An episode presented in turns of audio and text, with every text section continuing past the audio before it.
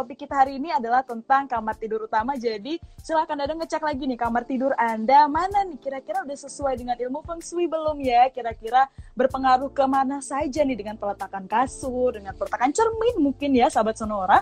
Karena kalau misalnya dulu itu saya sering mendengar katanya kalau misalnya cermin itu untuk di kamar tidur jangan ditaruh di depannya kita gitu ya jangan taruh di depan kasurnya kita. Cuman nah itu itu nanti kan kita tanyakan ke Mas Kang kira-kira bener gak sih kenapa nggak bolehnya gitu. Nah sudah bergabung. Apa kabarnya Mas Kang?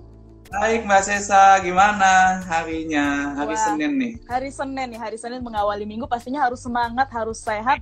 Karena masih ada enam hari ke depan lagi nih untuk kita lewatin ya Mas Kang ya.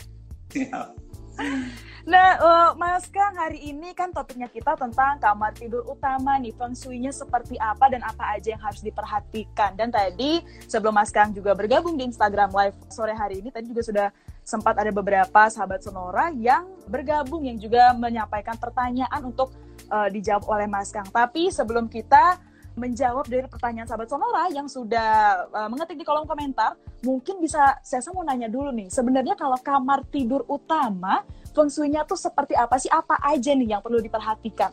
Waduh, kamar tidur utama. Mm-hmm. Kamar tidur utama itu penting banget dalam feng shui. Ya, itu masuk dalam uh, tiga faktor yang paling penting uh, mm-hmm. dalam penataan rumah. Uh, satu itu adalah pintu utama, mm-hmm. dua adalah dapur, yang ketiga itu adalah kamar. Mm. Jadi bisa bayangin seberapa pentingnya. Penting banget uh, hitungan fungsi di kamar. Hmm. Ya kamar utama, uh, kamar yang punya uh, tempat, ya, ya. yang punya rumah. Jadi itu memang uh, paling bagus dihitung secara pribadi. Hmm. Ya dari uh, tanggal lahir, bulan dan jam kita bisa tentukan lokasi yang terbaik ya untuk kamar tidur utama. Mm-hmm. Nah itu yang punya kesempatan untuk dihitung. Nah sekarang kita mau bahas uh, secara umumnya ya mm-hmm. cara pemilihan peletakan kamar tidur. Um, sebelum masuk ke dalam kamarnya mungkin kita bahas dulu uh, pemilihannya, mm-hmm. lokasinya ya, ya. lokasi lokasi penting. Uh, ada beberapa yang harus dihindarin. Pertama, jangan pernah bikin kamar tidur kamu di atas garasi. Hmm. Nah, itu pantang. Hmm. Garasi dan di bawah garasi juga tentunya. Jadi nggak boleh di basement ya. ya. Jadi nggak boleh di basement dan nggak boleh di atas garasi. garasi. Hmm, nah itu uh, tempat berkumpulnya energi negatif ya. Jadi hmm.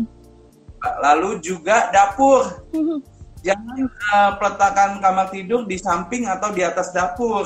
Ah, kenapa tuh Mas Kang? Ya, ya karena kan dapur itu tempat energi kita, uh, kita memasak hmm. ya banyak hawa yang um, berkumpul di situ hmm. asap. Ya, ya. Jadi orang zaman dulu itu uh, menentukan itu juga, ya melihat itu juga. Hmm. Jadi uh, selain dapur juga kita mesti uh, peletakannya tidak boleh di bawah tangga. Ah Oke. Okay. Tangga ada sisa ruang di bawah hmm. kayak tidur Harry Potter ya Oh iya di bawah, tangga. Yang hmm. sebenarnya boleh karena hmm. itu terlalu mengimpit energi yang uh, harusnya bisa berkumpul di hmm. kamar Hmm. Ya. Uh, yang lain juga tidak boleh di atas WC, ah, ya okay. atau di bawah WC. Hmm. Oke, okay, itu itu, untuk peletakannya ya, peletakannya ya.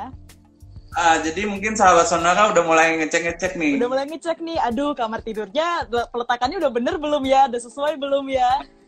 Tapi baru peletakan, kita belum bahas dalamnya. Kita belum bahas dalamnya, ini baru di luarnya, baru peletakannya aja. Nah, kalau di dalamnya Mas Kang, apa nih? Hmm, apa yang harus diperhatikan nih kalau di dalam kamar tidurnya?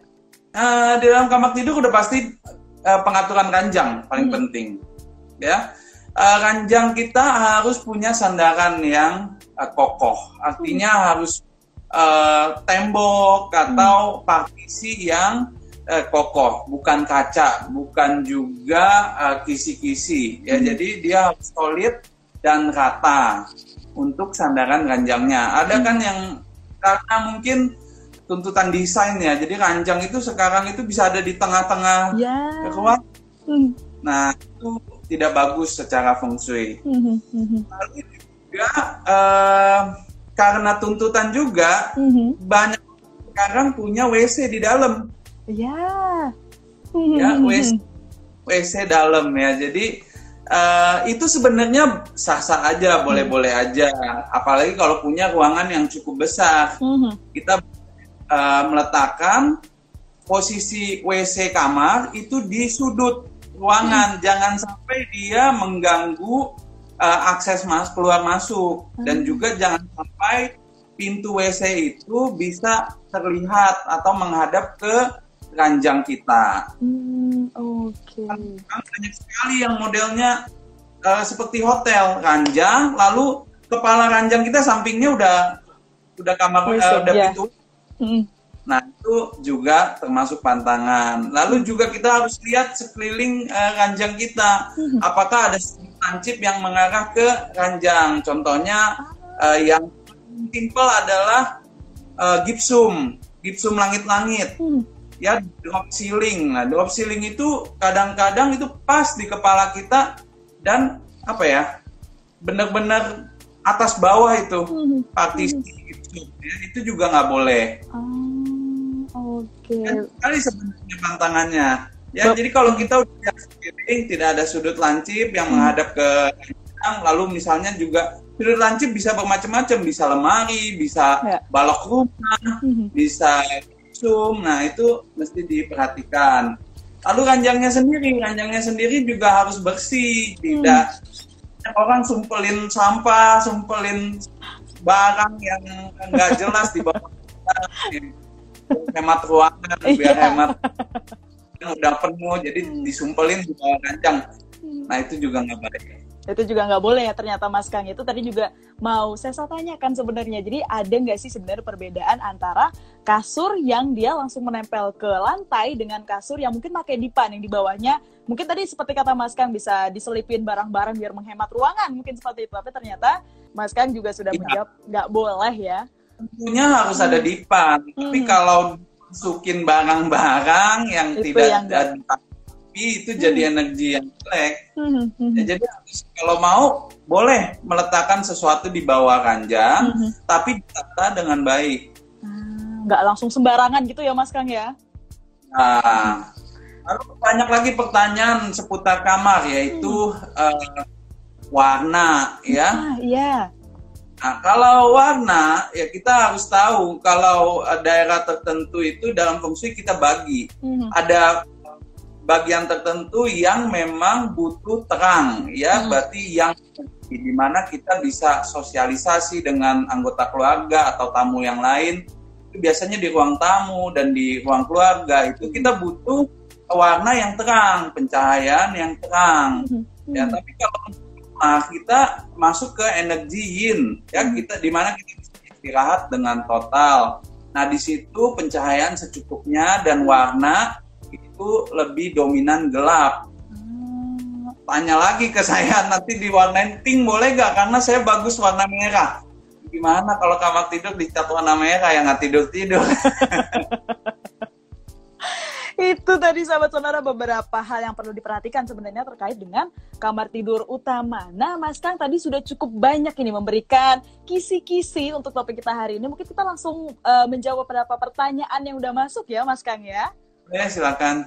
Ah, selamat sore untuk SSS Bowl ini bertanya nih Mas Kang. Halo, saya ada kasur utama, tapi kebanyakan tidur di kasur bawah. Nggak apa-apa kah? Lalu apakah boleh ada TV berhadapan dengan kasur? Ada lemari di samping dan ada kaca, tetapi kaca saya tutup dengan tirai. Silakan Mas Kang. Oke, saya jawab yang pertanyaan pertama dulu. Mhm. Eh, sebenarnya kamar tidur utama itu ditentukan kalau kita tidur di situ. Jadi di mana kita tidur itulah kamar tidur utama. Utama. Jadi punya Mhm. pun nggak masalah, cuma penentuan kamar mana yang kamu pakai. Mhm. Nah itulah kamu dan kamar kalau kamu jadi kepala keluarga di situ, nah itulah kamar utamanya. Utama. Mhm. Ya, jadi nggak masalah selama kamu lebih nyaman di di kamar atau di ranjang yang satu lagi silakan nggak masalah lalu yang kedua TV TV hmm. itu jadi tuntutan hidup ya kan budaya lagi balik lagi seperti yeah. WC hmm. kan nggak mesti ada WC nggak mesti ada TV hmm. nah sekarang harus ada WC harus ada TV nah kalau TV sebenarnya uh, boleh-boleh aja cuman diatur jaraknya dari uh, ranjang ya hmm. yang sebenarnya lebih pantang adalah cermin jadi cermin memang kalau yang berhadapan ke uh, ranjang itu harus segera ditutup atau dipindahkan ke samping. Ya, sam, uh, uh, kalau dipindahkan ke samping juga perhatikan jangan sampai menghadap ke pintu utama. Uh. Eh pintu uh, kamar tidur utama. Kamar tidur utama. Oke. Okay. Ya. Tadi ada tadi lemari, lemari nggak masalah. Hmm, ya, tapi perhatikan Oke, terima kasih untuk Triple S Ball tadi yang sudah bertanya. Kemudian ada yang bertanya lagi nih Mas Kang dari wasurjaya.vc shop. Apakah ventilasi perlu dalam sebuah kamar tidur? Penting sekali.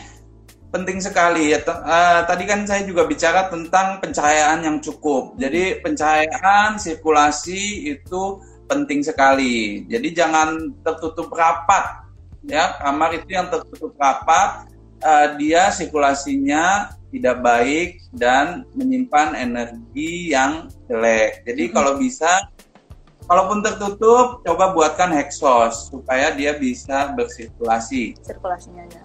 Oke, itu tadi kemudian masih banyak nih pertanyaannya Mas Kang. Mas Kang kerja keras nih hari ini ya menjawab pertanyaan yang masuk dari sahabat Sonora. Ayo. Ada pertanyaan dari Lois Yoe ini selamat sore, mau tanya, kalau posisi ranjang tempat tidur menghadap berlawanan dengan pintu utama, apakah boleh? Kalau tidur menghadap pintu, apa boleh? Silakan, Mas Kak.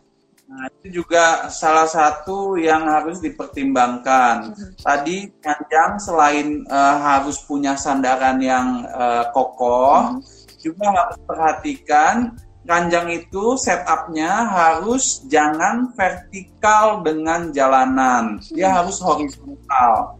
Uh, jalanan depan maksud saya, jalan ya. utama. Ya, jadi kalau jalan utamanya ke kiri atau ke kanan, udah pasti ke kiri ke kanan. Ranjang itu nggak bisa vertikal, dia harus mengikuti. Hmm. Ya, dan kalau menghadap pintu utama ya berarti vertikal dong ya. Ya, ya jadi ya digeser, hmm. jangan sampai tendang ke jalanan atau menendang kakinya menghadap sudut ke pintu utama itu nggak boleh. Oke itu yang nggak boleh. Terima kasih tadi juga sudah bertanya dan ada juga yang bertanya nih uh, Mas Kang dari Anitia Anita Felicia W. Untuk menyiasati sudut lancip tembok gimana Mas Kang? Untuk uh, menyiasati sudut lancip tembok. Hmm. Sudut lancip itu biasanya potongan dari tembok. Nah, itu uh, kalau uh, banyak ahli itu dia uh, menyarankan dibuat belokan, dibuat bulat. Jadi dia tidak menyerupai sudut, mm-hmm. tapi dia berupa uh, pilar bulat gitu. Ah. Atau mm-hmm. bisa digituin ranjangnya ngalah digeser. Digeser, kerja keras dikit lah ya Mas Kang ya. demi demi perbaikan. Demi perbaikan karena uh, berpengaruh juga ternyata. Tapi terima kasih tadi juga Mungkin sudah tempat tidur itu paling penting. Mm-hmm. ya salah satu penting dalam feng shui. Mm-hmm. dan ukurannya juga uh, ini juga salah satu yang uh, mungkin saya bisa kasih tips bahwa uh, kamar tidur utama itu jangan uh, terlalu besar ketimbang ruang tamu. Jadi ruang tamu dan kamar tidur utama kalau bisa berbanding satu banding satu atau satu banding dua. Oke, itu tadi ada perbandingannya juga ternyata berpengaruh juga ya Mas Kang ya untuk ukurannya. Kemudian ada satu pertanyaan dari Jonathan Hindarta.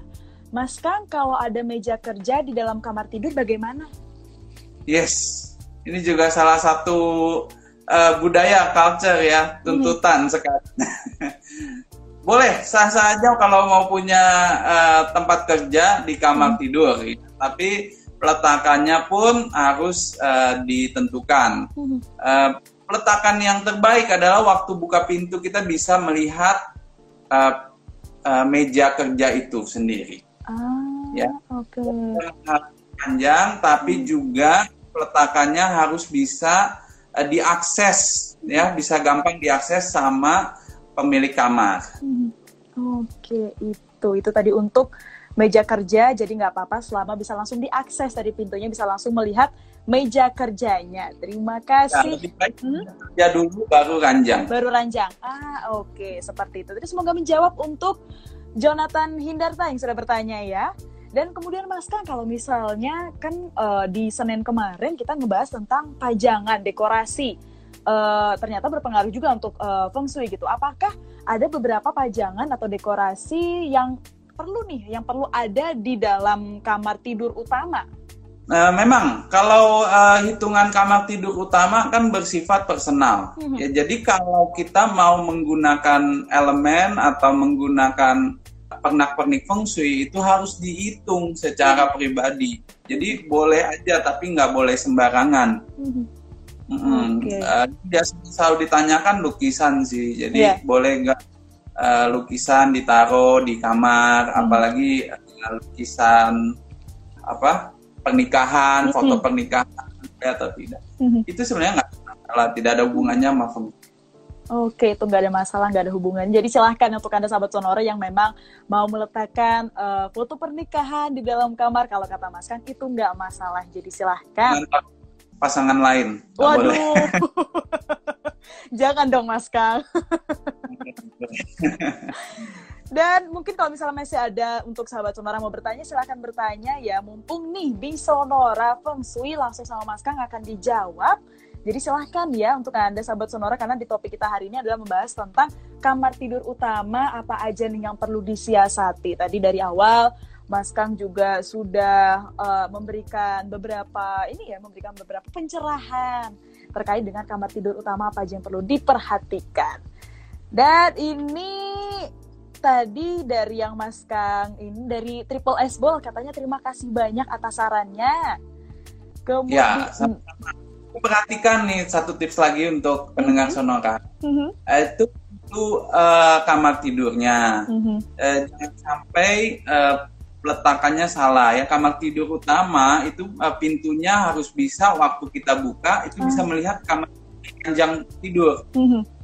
Ya, jadi uh, banyakkan orang itu salah kaprah mm -hmm. uh, di jalanan. Kan saya tadi bilang oke okay, ranjangnya diarahkan horizontal dengan jalanan di depan, yeah. tapi punya uh, tapi posisinya itu membelakangi pintu uh, masuk. Nah itu juga salah. Oh jadi memang harus dilihat dari sisi itunya juga ya Mas Kang ya ternyata ya. Betul, kelihatannya mudah tapi tidak semudah nah, itu. Itu dari Mas Kang tadi ngasih beberapa uh, informasi, ngasih beberapa tips, terdengarnya mudah kan? Tapi mungkin kalau untuk prakteknya, aduh, ini gimana ya? Kita udah beneran di depan, tapi ternyata kita harus melihat juga di belakangnya harus seperti apa biar tidak mengganggu Betul. untuk uh, energi yang lainnya mungkin ya. Betul. Dan satu lagi saya nambah hmm. terus nih. Pertama, hmm. ya itu idealnya ada di depan bangunan. Hmm. Oh. Dan eh, kamar-kamar yang lainnya untuk anak atau untuk uh, yang lain itu di belakang. Oh, berarti untuk kamar tidur utama itu ada di depan gitu ya, Mas Kang ya? Idealnya, hmm, kalau dihitung cermat dengan hitungan pribadi bisa berubah. Hmm. Cuman ideal memang di depan. Oke, ini ada pertanyaan terakhir nih, Mas Kang dari hmm. Sylvia underscore 0888. Mas Kang, kalau Baik. ada kalau ada toren air di depan pintu utama milik tetangga, gimana cara menyiasatinya? Waduh, special case nih. di depan pintu kamar tidur? Uh, di depan pintu utama. Berarti bukan okay. dari kamar tidur mungkin. Ya, kita ngomong uh, pintu utama. Utama, hmm, pintu masuk berarti. Hmm, hmm, pintu masuk di depannya ada toren air. Mm-mm. Kalau ada toren ya? air di depan pintu utama milik tetangga, gimana cara menyiasatinya? Oke, sayangnya nggak dikasih tahu berapa jaraknya. Mm-hmm. Ya, memang uh, paling bagus jarak uh, misalnya kalau ada toren air itu clear dari jarak 5 sampai 10 meter. Okay. Jadi kalau 5 sampai 10 meter sudah lewat mm-hmm. itu masih aman. Mm-hmm. Ya, tidak terlalu membahayakan. Mm-hmm. Ya, solusinya ya pakai uh, ornamen feng shui yang tadi kita uh, yang kemarin kita bahas. Mm-hmm. Ya, bisa pakai fengling. Ya, jadi Fengling diletakkan di atas pintu utama, mm-hmm. Baru kita bisa uh, lihat seberapa bagus uh, efeknya mm-hmm. 3 sampai enam bulan. Nanti ah. setelah itu baru kita cari solusi lain. Oke, itu. Tapi karena tadi tidak diberitahukan jaraknya berapa jauh ya Mas Kang, cuman itu tadi satu tips lah dari Mas Kang. Coba nanti mungkin bisa dicoba.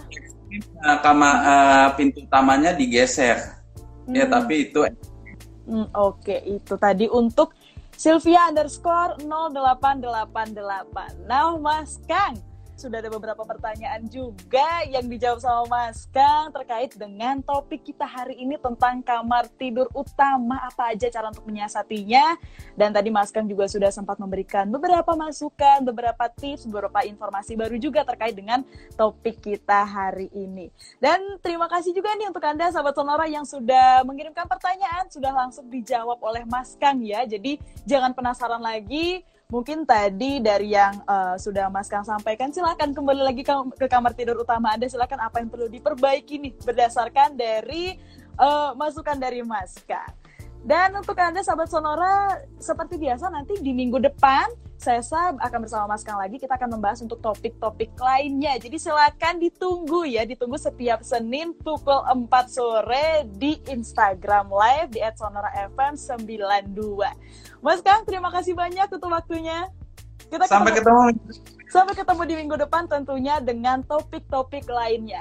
Dan untuk Anda sahabat Sonora, kalau misalnya uh, ada dari Anda yang ketinggalan dengan obrolan kita di sore hari ini, silakan nanti Anda bisa cek di Instagram TV ya, di @sonorafm92 atau Anda juga bisa ke YouTube-nya @sonorafm dan juga pastinya Anda bisa membaca artikelnya di sonora.id. Sahabat Sonora, saya pamit. Terima kasih untuk yang sudah bertanya. Kita ketemu lagi ya di minggu depan. Bye!